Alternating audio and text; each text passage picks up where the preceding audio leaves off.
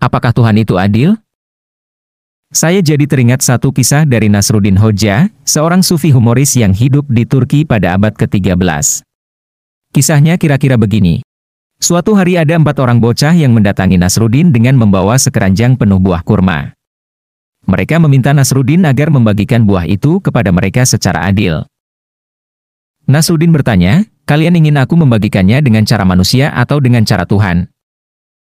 Cara Tuhan, jawab anak-anak itu serentak. Maka Nasruddin memberikan dua genggam penuh ke bocah yang pertama. Bocah kedua ia beri satu genggam. Bocah ketiga ia beri dua butir saja, sedangkan bocah keempat tak ia beri sama sekali. Pembagian macam apa ini? Tanya mereka dengan kecewa. Ya, begitulah cara Tuhan, jawab Nasruddin.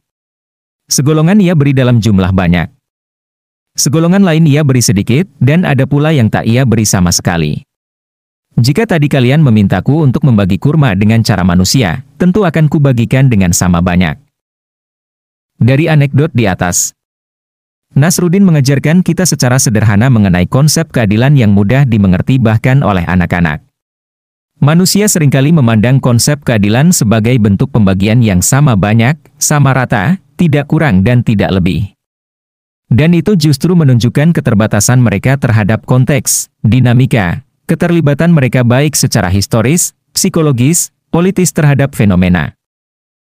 Sedangkan Tuhan pastinya punya cara yang berbeda dari manusia. Sebagai pencipta mekanisme kerja alam semesta ini tentu konsep keadilan yang dijalankan Tuhan selalu menyangkut keseluruhan kehidupan di langit dan bumi yang sangat luas, besar, dalam, dan tak terjangkau makhluk mana pun.